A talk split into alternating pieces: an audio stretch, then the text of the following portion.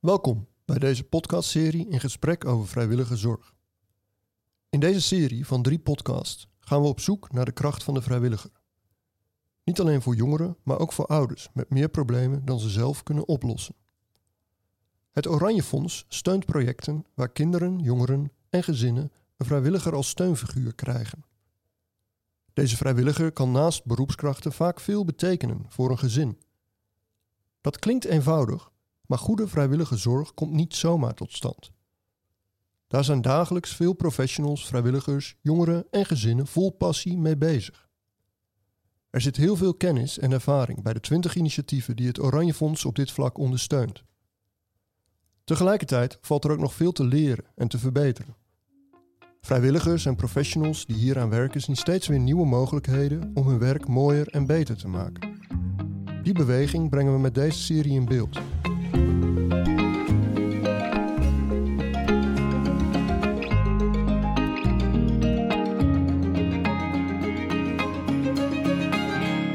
Luistert naar aflevering 1 van de podcastserie In gesprek over vrijwillige zorg. Mijn naam is Floor Kedderman en ik ben actieonderzoeker bij het Instituut voor Publieke Waarden. Vandaag praten we over de praktische wijsheid van vrijwilligers en projectleiders die hen aansturen. En dat doe ik niet alleen. In deze aflevering praat ik met Jorine van Stichting Aroma uit Nijmegen, met actieonderzoeker Sophie van het Instituut voor Publieke Waarden en met Sandra, interim directeur van het Oranje Fonds.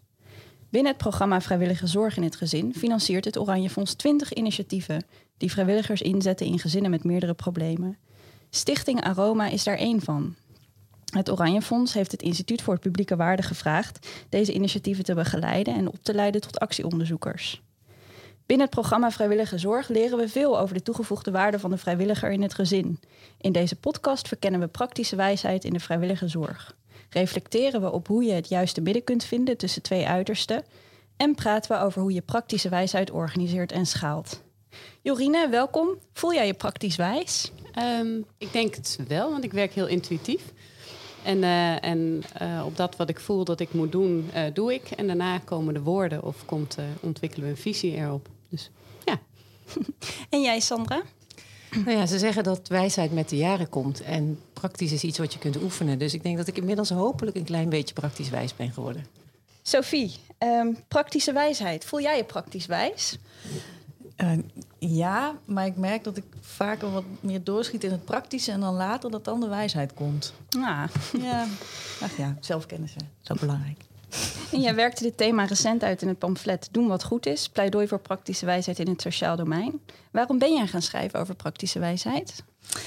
Ja, dat is een hele goede vraag. Um, uh, binnen het instituut werken wij eigenlijk al jaren met uh, professionals die in het publieke domein uh, mensen proberen te helpen die een bepaalde vraag hebben. En ehm, we zien daar dat deze professionals dingen doen die eigenlijk helemaal niet zo te vatten zijn binnen wat er van hen verwacht wordt. Dus vanuit het systeem, vanuit de bureaucratie, hebben zij een hele andere taak. En we zien dat op het moment dat zij met, met burgers of inwoners aan de slag gaan, dat ze daarvan afwijken en eigenlijk hele slimme oplossingen verzinnen voor grotere publieke vraagstukken. En dat fascineerde ons, omdat daar zit een bepaald innovatief vermogen in die professionals, uh, wat eigenlijk heel erg onzichtbaar blijft. Dus heel veel grotere uh, uh, publieke vraagstukken proberen we op allerlei manieren te tackelen. En, en dat zijn vaak taaie vraagstukken waar we jaren over doen. En in de praktijk zien we opeens een professional het zo oplossen. Dus dat, dat fascineerde ons en daar, uh, daar wilden we wat meer woorden aan gaan geven. En toen zijn we aan de hand van Aristoteles op praktische wijsheid uitgekomen. Dus we hebben gezien dat wat zij eigenlijk doen, praktische wijsheid is. En ehm, dat dat een ander type kennis is dan de standaardkennis die eigenlijk in onze bureaucratie of in onze verzorgingsstaat wordt gebruikt. En wat voor soort kennis is die praktisch wijze kennis dan precies? Ja, daar hebben we dus Aristoteles een beetje voor, uh, uh, voor gebruikt. Die een oude Griekse filosoof. En die schreef in zijn boek Ethica Nicomachea... eigenlijk over de vraag hoe goed te handelen. Echt de grote ethische vraag. Hoe handelen wij goed? En... Um, in dat boek werkt hij verschillende typen van kennis uit. En hij zegt, je hebt technische kennis, dat is universele uh, kennis die uh, door middel van ratio te bevatten is. Uh, altijd geldend, denk aan de natuurwetten bijvoorbeeld.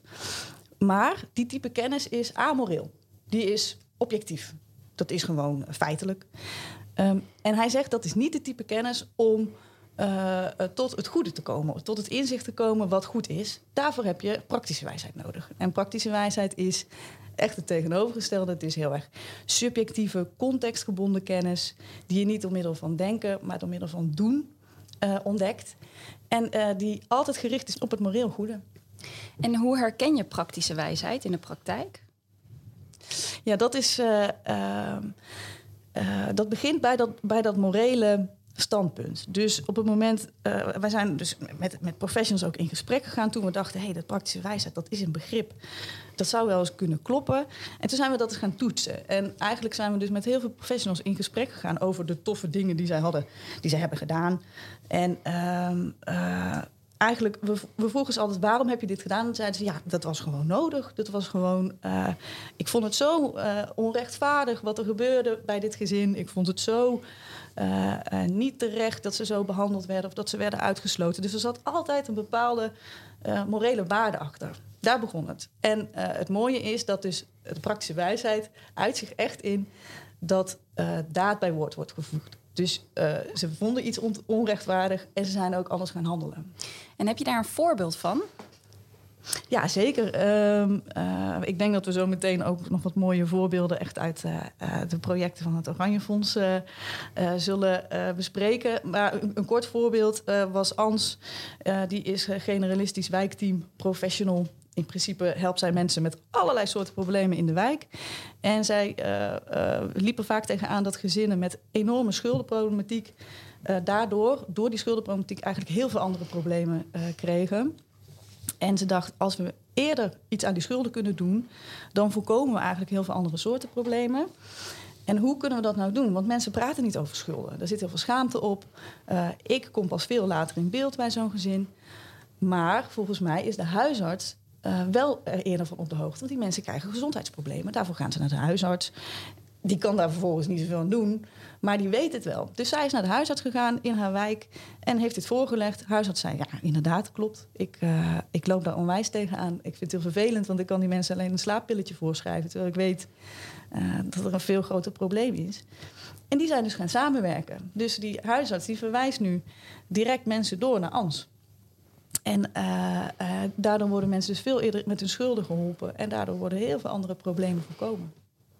Jorine, jij bent oprichter van Stichting Aroma. En jouw initiatief zit uh, in het programma Vrijwillige Zorg in het Gezin van het Oranje Fonds. En op een fysieke locatie in Nijmegen, de Broederij, organiseren jullie samen met de buurt activiteiten voor kinderen en moeders die te maken hebben met armoede en sociale isolatie. Wat doen jullie met die moeders en kinderen? Um, ja, we, hebben, uh, we zijn begonnen met het project Kunstexpress. Dat is een maatjesproject waarbij kinderen die in armoede leven, we werken vanaf een jaar of negen, negen tot vijftien jaar, uh, die in armoede leven, die worden gekoppeld aan een maatje. En het maatje is een student, veelal creatief therapie, uh, studeert veelal creatief therapie. En die gaan uh, een middag in de week samen op pad. Ze, gaan, ze komen bij ons op de locatie of ze gaan naar een museum. We werken samen met de hogeschool, dus daar gaan ze naartoe. En um, wij komen bij het gezin thuis. Um, en merkten eigenlijk dat, uh, ja, dat dat heel veel teweeg bracht. En dat het ook bij moeders veel teweeg bracht. En uh, daarop zijn we gaan uitbreiden met onze projecten. Dus inmiddels hebben we een moederproject Kookracht. En vanuit daar zitten we ook in het programma Vrijwillige Zorg in het Gezin. Omdat we eigenlijk merkten dat de positieve beweging die we bij kinderen zagen... was echt beklijft als je dat ook bij, uh, ja, bij de ouder bereikt. Um, en uh, um, ja, ouders komen of moeders komen wekelijks, uh, twee keer per week komen ze bij ons. En uh, zijn ze in een moedergroep samen um, actief en creatief. Dus kunst en cultuur is bij ons echt het middel om meer lichtheid en positiviteit in het gezin te brengen. En hoe komen, hoe komen jullie in aanraking met deze moeders en kinderen?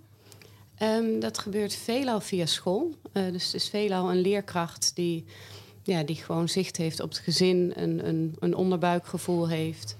Um, en het is zonder indicatie, dus de, het is heel laagdrempelig. Wij komen op huisbezoek. bij, eh, bij het gezin. En tijdens dat huisbezoek beginnen we eigenlijk met, uh, met wat we al van de leerkracht hebben meegekregen. Dat het kind uh, bijvoorbeeld heel goed is in tekenen. Of geïnteresseerd is in muziek, van theater houdt. Um, en dan zie je al bij het kind een ontspanning en een twinkeling ontstaan. En vaak ook bij de, bij de moeders. dat je moeders hoort zeggen trots, oh dat heeft hij van mij. Of we knutselen vaak samen. En je, je bereikt daarmee iets wat positief is in het gezin. En daar gaan we op door. Ja, dus jullie steken me eigenlijk heel positief in. Maar, en wat voor problemen zien jullie dan vervolgens in die praktijk?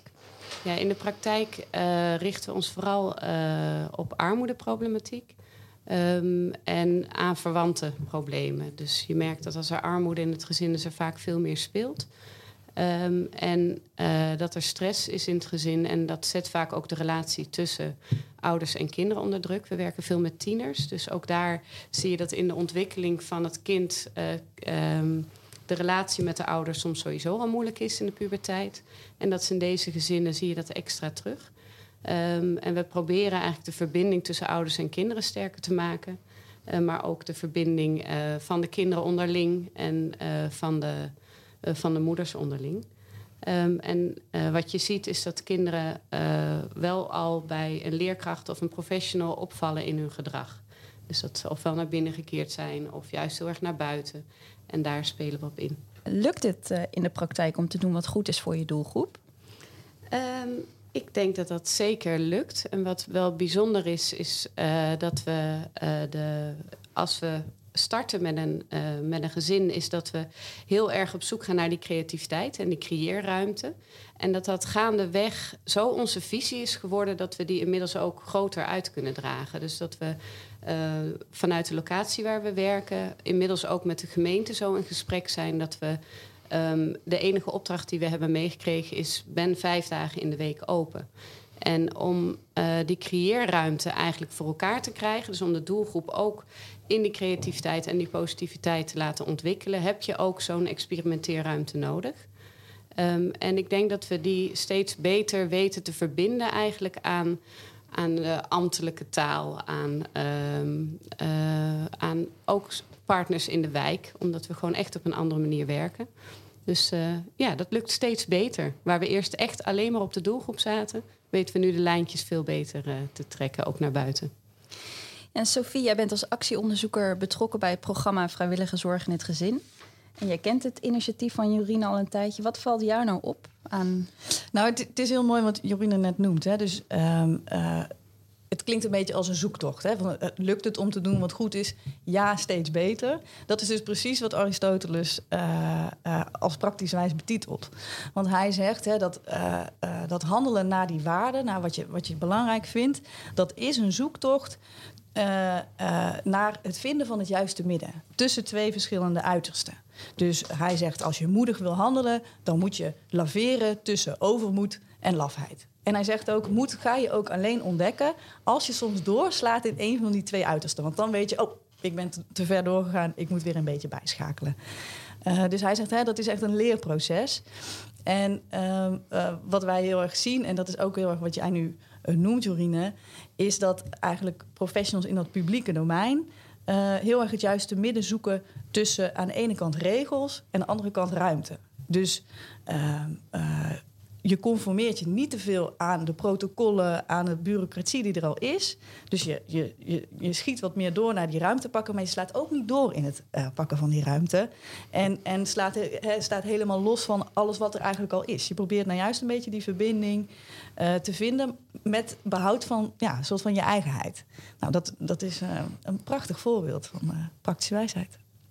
En schieten jullie wel eens door, Jorine? Ja, dat is zeker een relevante vraag. En uh, ook dat is echt een groeiend proces. Dus uh, daar hebben wij onze eigen experimenteerruimte in nodig gehad. Want uh, zeker in de opstart, wat we, wat we proberen, is dat de groep mensen zich aan elkaar verbindt. Dus waar de kinderen en de maatjes zich aan elkaar verbinden. En als groep draagt de groep op een gegeven moment het individu.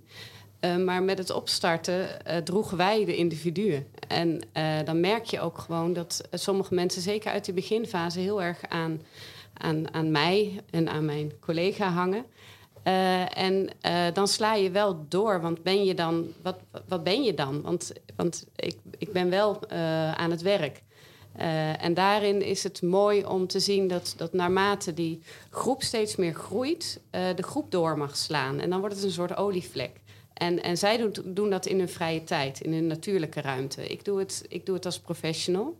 En ehm, ja, dat is, dat is zeker in het opstarten, is dat iets wat we als ik het nog een keer zou doen, heel bewust zou inzetten. Zou ik heel bewust denken: oh ja, dit is de fase waarin het aan mij hangt. En, ehm, en ik moet er op tijd uit. En, en we zijn ook steeds meer een terugtrekkende beweging aan het maken. En dat geeft weer ruimte om iets nieuws op te starten. Ja. Sophie, je houdt je in, het pamflet ook bezig met de schaalbaarheid van praktische wijsheid. En de ruimte uh, die Jorine voor haar initiatief heeft geregeld om te doen wat goed is. Is zoiets schaalbaar en hoe werkt dat? Ja, dat, dat is dus een, dat is met praktische wijsheid een veel ingewikkeldere vraag dan uh, wanneer je dus vanuit die tech, nee, vanuit die technische kennis uh, uh, gaat kijken naar innovatie.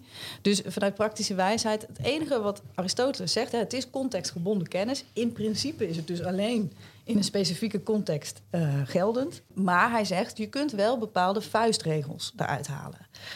en dat zijn een soort van werkbare principes die misschien op een andere plek ook kunnen werken. En um, uh, ik denk dat er elementen van uh, het, het, project van Jorine uh, zeker ook op andere plekken heel erg goed kunnen werken. En heb je een voorbeeld van wat goed zou kunnen werken uit haar project op een andere plek? Nou, ik denk inhoudelijk wat Jorine met dit project doet, waarin ze eigenlijk met die moeders dat die steun geven aan elkaar en dat het dus niet per se een extern maatje meer is, maar dat het een groep is die elkaar opvangt. Dat is echt een vuistregel uh, die ik denk dat in heel veel, uh, op heel veel andere plekken met andere maatjesprojecten ook heel goed zou kunnen werken. Um, een ander ding wat heel interessant is als je het hebt over schaalbaarheid, wat, wat Jorine noemt, is hoe de gemeente inmiddels uh, open staat voor wat jullie en ziet wat jullie toevoegen in, in Nijmegen. Um, dat is vrij uitzonderlijk, omdat nou ja, dit soort praktisch wijze initiatieven vaak dan juist een beetje onder de radar blijven. Omdat je iets anders doet dan de standaard. Hè, het is moeilijk uh, uh, ook in kaart te brengen aan de hand van metingen of wat dan ook. En ehm, het lijkt erop dat ze ja, hiermee blijk geven dat ze jullie praktisch wijze initiatief ontzettend waarderen. Ja, en Sandra, jij bent interim directeur uh, van het Oranje Fonds. En als Sociaal Fonds dragen jullie financieel bij aan heel veel van dit soort initiatieven in de vrijwillige zorg in Nederland. Hoe kijk jij naar de praktische wijsheid van vrijwilligers vanuit jouw rol? Nou, als fonds uh, hebben wij echt als doel dat niemand er in Nederland alleen voor hoeft te staan. Dat is een ambitieus doel en dat kunnen we zeker niet alleen. Dus wij financieren veel sociale initiatieven die weer met veel vrijwilligers werken om uh, mensen te kunnen bereiken. En wat wij hebben gezien is dat de kracht van het werk in het veld en de praktische wijsheid, dat daar heel veel um, deelbaarheid in is. Dus wij brengen mensen graag bij elkaar. Dus zoals het, het project van uh, Jorien, dat zit samen in een groep met twintig andere initiatieven. En die delen op een heel regelmatige basis wat zij ervaren in de praktijk. Ze kunnen klankborden met elkaar. Ze kunnen die vuistregels die ze opdoen delen. Maar nog interessanter is, op het moment dat ze doorschieten uit de praktische wijsheid het midden. En ze gaan misschien even de overmoed in of de lafheid. Dan kunnen ze ook met elkaar steun zoeken om te zeggen van ik ben hier misschien fout gegaan. Hoe kan ik terug naar het midden?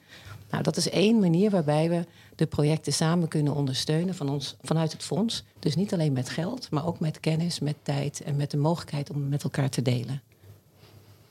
En, en, doen jullie zelf ook iets met de praktische wijsheid van de projecten die jullie ondersteunen? Bedoel je intern of bedoel je dat in de maatschappij? Eigenlijk allebei.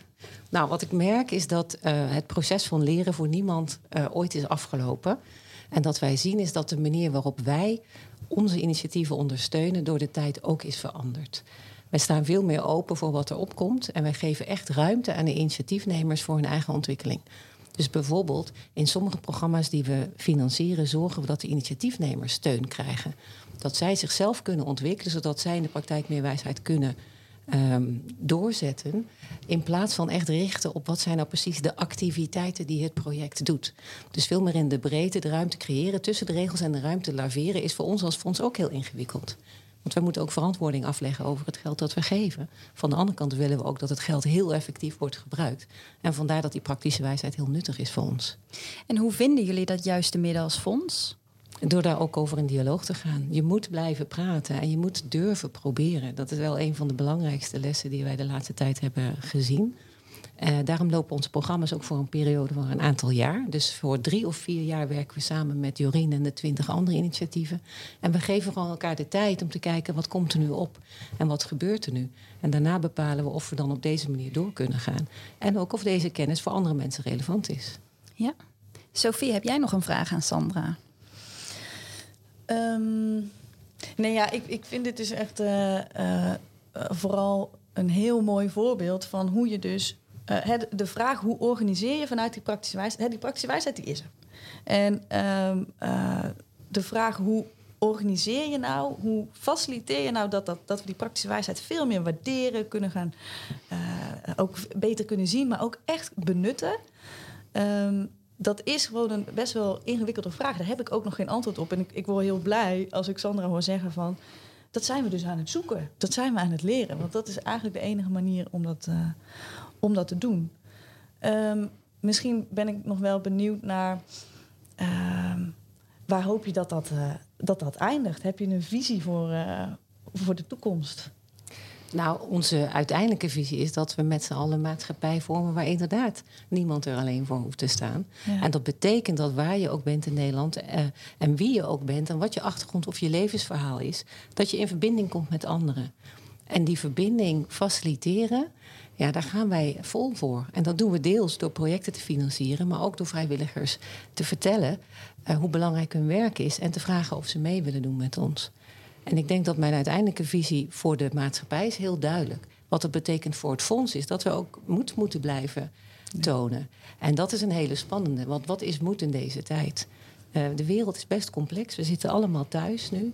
Uh, we zien ook gewoon dat er op dit moment weer heel veel gebeurt met corona. En dat het heel ingewikkeld is voor vrijwilligers om nog hun werk te kunnen doen. Om dat contact op te zoeken. Want het is op dit moment niet zeker dat we steeds bij elkaar kunnen zijn. In de vorm die we al hebben gehad. En daarbinnen denk ik dat wij de komende jaren heel veel praktische wijsheid nodig hebben. Om te zorgen dat juist nu uh, niemand er alleen voor komt te staan. En daar, dat betekent dat we moeten blijven praten. Wat werkt er wel, wat werkt er niet? Jorine, jouw initiatief is natuurlijk onderdeel van het programma Vrijwillige Zorg in het Gezin van het Oranje Fonds. Uh, wat, is er een meerwaarde van dat programma voor jouw initiatief? Um, ja, die is er zeker. Um, en uh, ik hoorde Sandra net praten en ik merkte dat ik terugging naar een beeld waarop ik op een bank zit met een moeder en een kind. En waar, waar de moeder inderdaad zegt: Oh, ik hou zo van theaterspelen. En daar uh, kwam bij mij het zaadje van we moeten een project met die moeders. We, we, moeten er iets mee. En um, een paar jaar later kwam eigenlijk de, het programma. En konden we dit ook gaan ontwikkelen. En niet zomaar, want het is ook echt heel fijn om met die twintig uh, initiatieven uit te wisselen. En omdat je vaak op gemeentelijk niveau daar, daar, minder bij elkaar komt, kun je zo landelijk heel veel kennis uitwisselen en, en ook echt groeien. En uh, daarmee voelen wij ons als initiatief ook echt gesterkt en serieus genomen. Uh, en hebben we die taal steeds meer kunnen ontwikkelen waar ik eerder over sprak. Dus ja, voor ons heeft het een hele grote meerwaarde. Ja, en ik denk dat het, het vinden van een gezamenlijke taal om te praten over de dingen die we willen doen en hoe we dat het beste kunnen doen, dat is ook een mooie uitdaging voor de komende periode, ook voor het Oranje Fonds. Hoe delen we deze kennis? Nou, de podcast is daar een eerste voorbeeld van. We willen graag meer vertellen over wat alle prachtige initiatieven in Nederland doen. En wat we daarvan leren, zodat anderen daar ook weer wat van kunnen leren. Maar ik denk dat er nog veel werk aan de winkel is. Want in die ruimte tussen regels en ruimte, zeg maar, in dat midden, gebeuren prachtige dingen. En, en als we daar niet over praten, dan zullen we dat nooit op kunnen pakken naar de toekomst toe. Sandra, uh, als Oranje Fonds, wat doen jullie dan precies in de praktijk? Nou, we doen een aantal dingen. Maar het belangrijke is dat wij projecten financieren. Um, met geld in eerste instantie, zodat of de initiatiefnemer of het project zelf meer ruimte heeft om iets te onderzoeken en te ontdekken. Daarnaast proberen we kennis te delen, dus we brengen initiatiefnemers bij elkaar. En we mobiliseren ook vrijwilligers. We hebben maatjescampagnes, we doen NL Doet, maar ook de Burendag, waarbij we mensen echt vertellen: kom, doe wat voor een ander. Zodat we zoveel mogelijk mensen aanzetten om wat voor een ander te gaan doen. Maar het belangrijkste in de programmavorm is dat we zorgen dat mensen met elkaar in verbinding komen die allemaal hetzelfde proberen te bereiken. En met elkaar kunnen leren wat werkt en wat niet werkt. Ja, en Sophie, wat valt jou op aan de manier waarop het Oranje Fonds praktische wijsheid mobiliseert? Nou, die hebben dus wel. Uh, het Oranje Fonds heeft een vrij uh, interessante positie in dat hele publieke domein eigenlijk. Um, dus als je uh, kijkt naar de redenen waarom praktische wijsheid zo moeilijk tot bloei kan komen, dan ligt dat aan de manier waarop wij dingen hebben gefinancierd. Het ligt aan wetgeving, het ligt aan verkokering. Dus hè, onze overheid is heel erg ingericht nou juist op het technisch uitvoeren juist van hun taken, hun wettelijke taken en daarmee dus ook de financiering is allemaal verkokerd. En daardoor uh, is het voor professionals heel moeilijk om eigenlijk te doen wat goed is, omdat ze zich heel erg moeten conformeren aan één deel van de problematiek die zij in zo'n huishouden aantreffen. En um, het Oranje Fonds hoeft zich minder te verhouden uh, tot die structuren, tot die, tot die financiële en met name juridische kokers. Natuurlijk, hè, Sandra noemt ook, we hebben ook verantwoording af te leggen. En maar goed ook. Hè, dat is natuurlijk ook de manier waarop je je verhoudt tot die regels. Je moet ook niet volledig doorslaan. Dan zou je doorslaan naar die ruimte, denk ik. Um, maar het, het, het creatief gebruik maken van de middelen die je dus hebt als fonds Ehm, eh, dus uh, financiering op een, op een andere manier weten in te zetten. daarin ook je rol breder opvatten. Dus echt het ondersteunen van projectleiders. Maar je niet bemoeien met het hoe. Dus ook een vertrouwen hebben dat, die, dat projectleiders echt weten wat ze doen. Um, ja, dat is, dat is een hele mooie, heel mooi voorbeeld van hoe, hoe je nou juist praktische wijsheid wel kan stimuleren. En ik denk ook dat het Ehm, eh, in de komende tijd heel interessant gaat zijn hoe, hoe fondsen ehm, hierin ook wat meer een voorbeeld kunnen gaan zijn voor de overheid. En daarin mogelijk ook wat meer kunnen gaan samenwerken. Daar valt nog veel te leren. Sandra, wil jij hier nog op reageren? Um, ik denk dat we um, in Nederland um, als samenleving proberen dat iedereen mee kan doen. En de overheid heeft een hele belangrijke taak om voor kwetsbare mensen te zorgen. Maar we zien gewoon dat niet iedereen die aansluiting altijd heeft. En we zien ook dat het voor veel mensen best moeilijk is om binnen die regelgeving te opereren. En wat wij proberen inderdaad is om dat gat tussen de persoon en de behoeftes die ze hebben kleiner te maken. En dat doen de sociale initiatiefnemers zoals Jorien. En wij vinden het mooi dat we dit mogen financieren, maar wij kunnen niets bereiken zonder de enorme creativiteit van de projecten die wij steunen. Dus we zien gewoon dat daar de kracht zit. En dat is onze rol om te mobiliseren en te versterken wat er al is. En te zorgen dat we daarmee succesvol kunnen zijn. Dankjewel, Sandra. Hiermee komen we aan het einde van de podcast Praktische Wijsheid, waarin we de praktische wijsheid hebben verkend van initiatieven in de vrijwillige zorg. Vond je dit leuk? Abonneer je in de app waarin je de podcast luistert als je op de hoogte gehouden wil worden van nieuwe afleveringen. En check de social media kanalen van het Oranje Fonds. Aan tafel zaten Sandra Jette, interim directeur van het Oranje Fonds, Jorine de Bruin, initiatiefnemer van Stichting Aroma en Sophie Albers, actieonderzoeker bij het Instituut voor Publieke Waarden en schrijver van het pamflet Doen wat goed is. Dankjewel voor jullie deelname en ik wens jullie veel praktische wijsheid toe.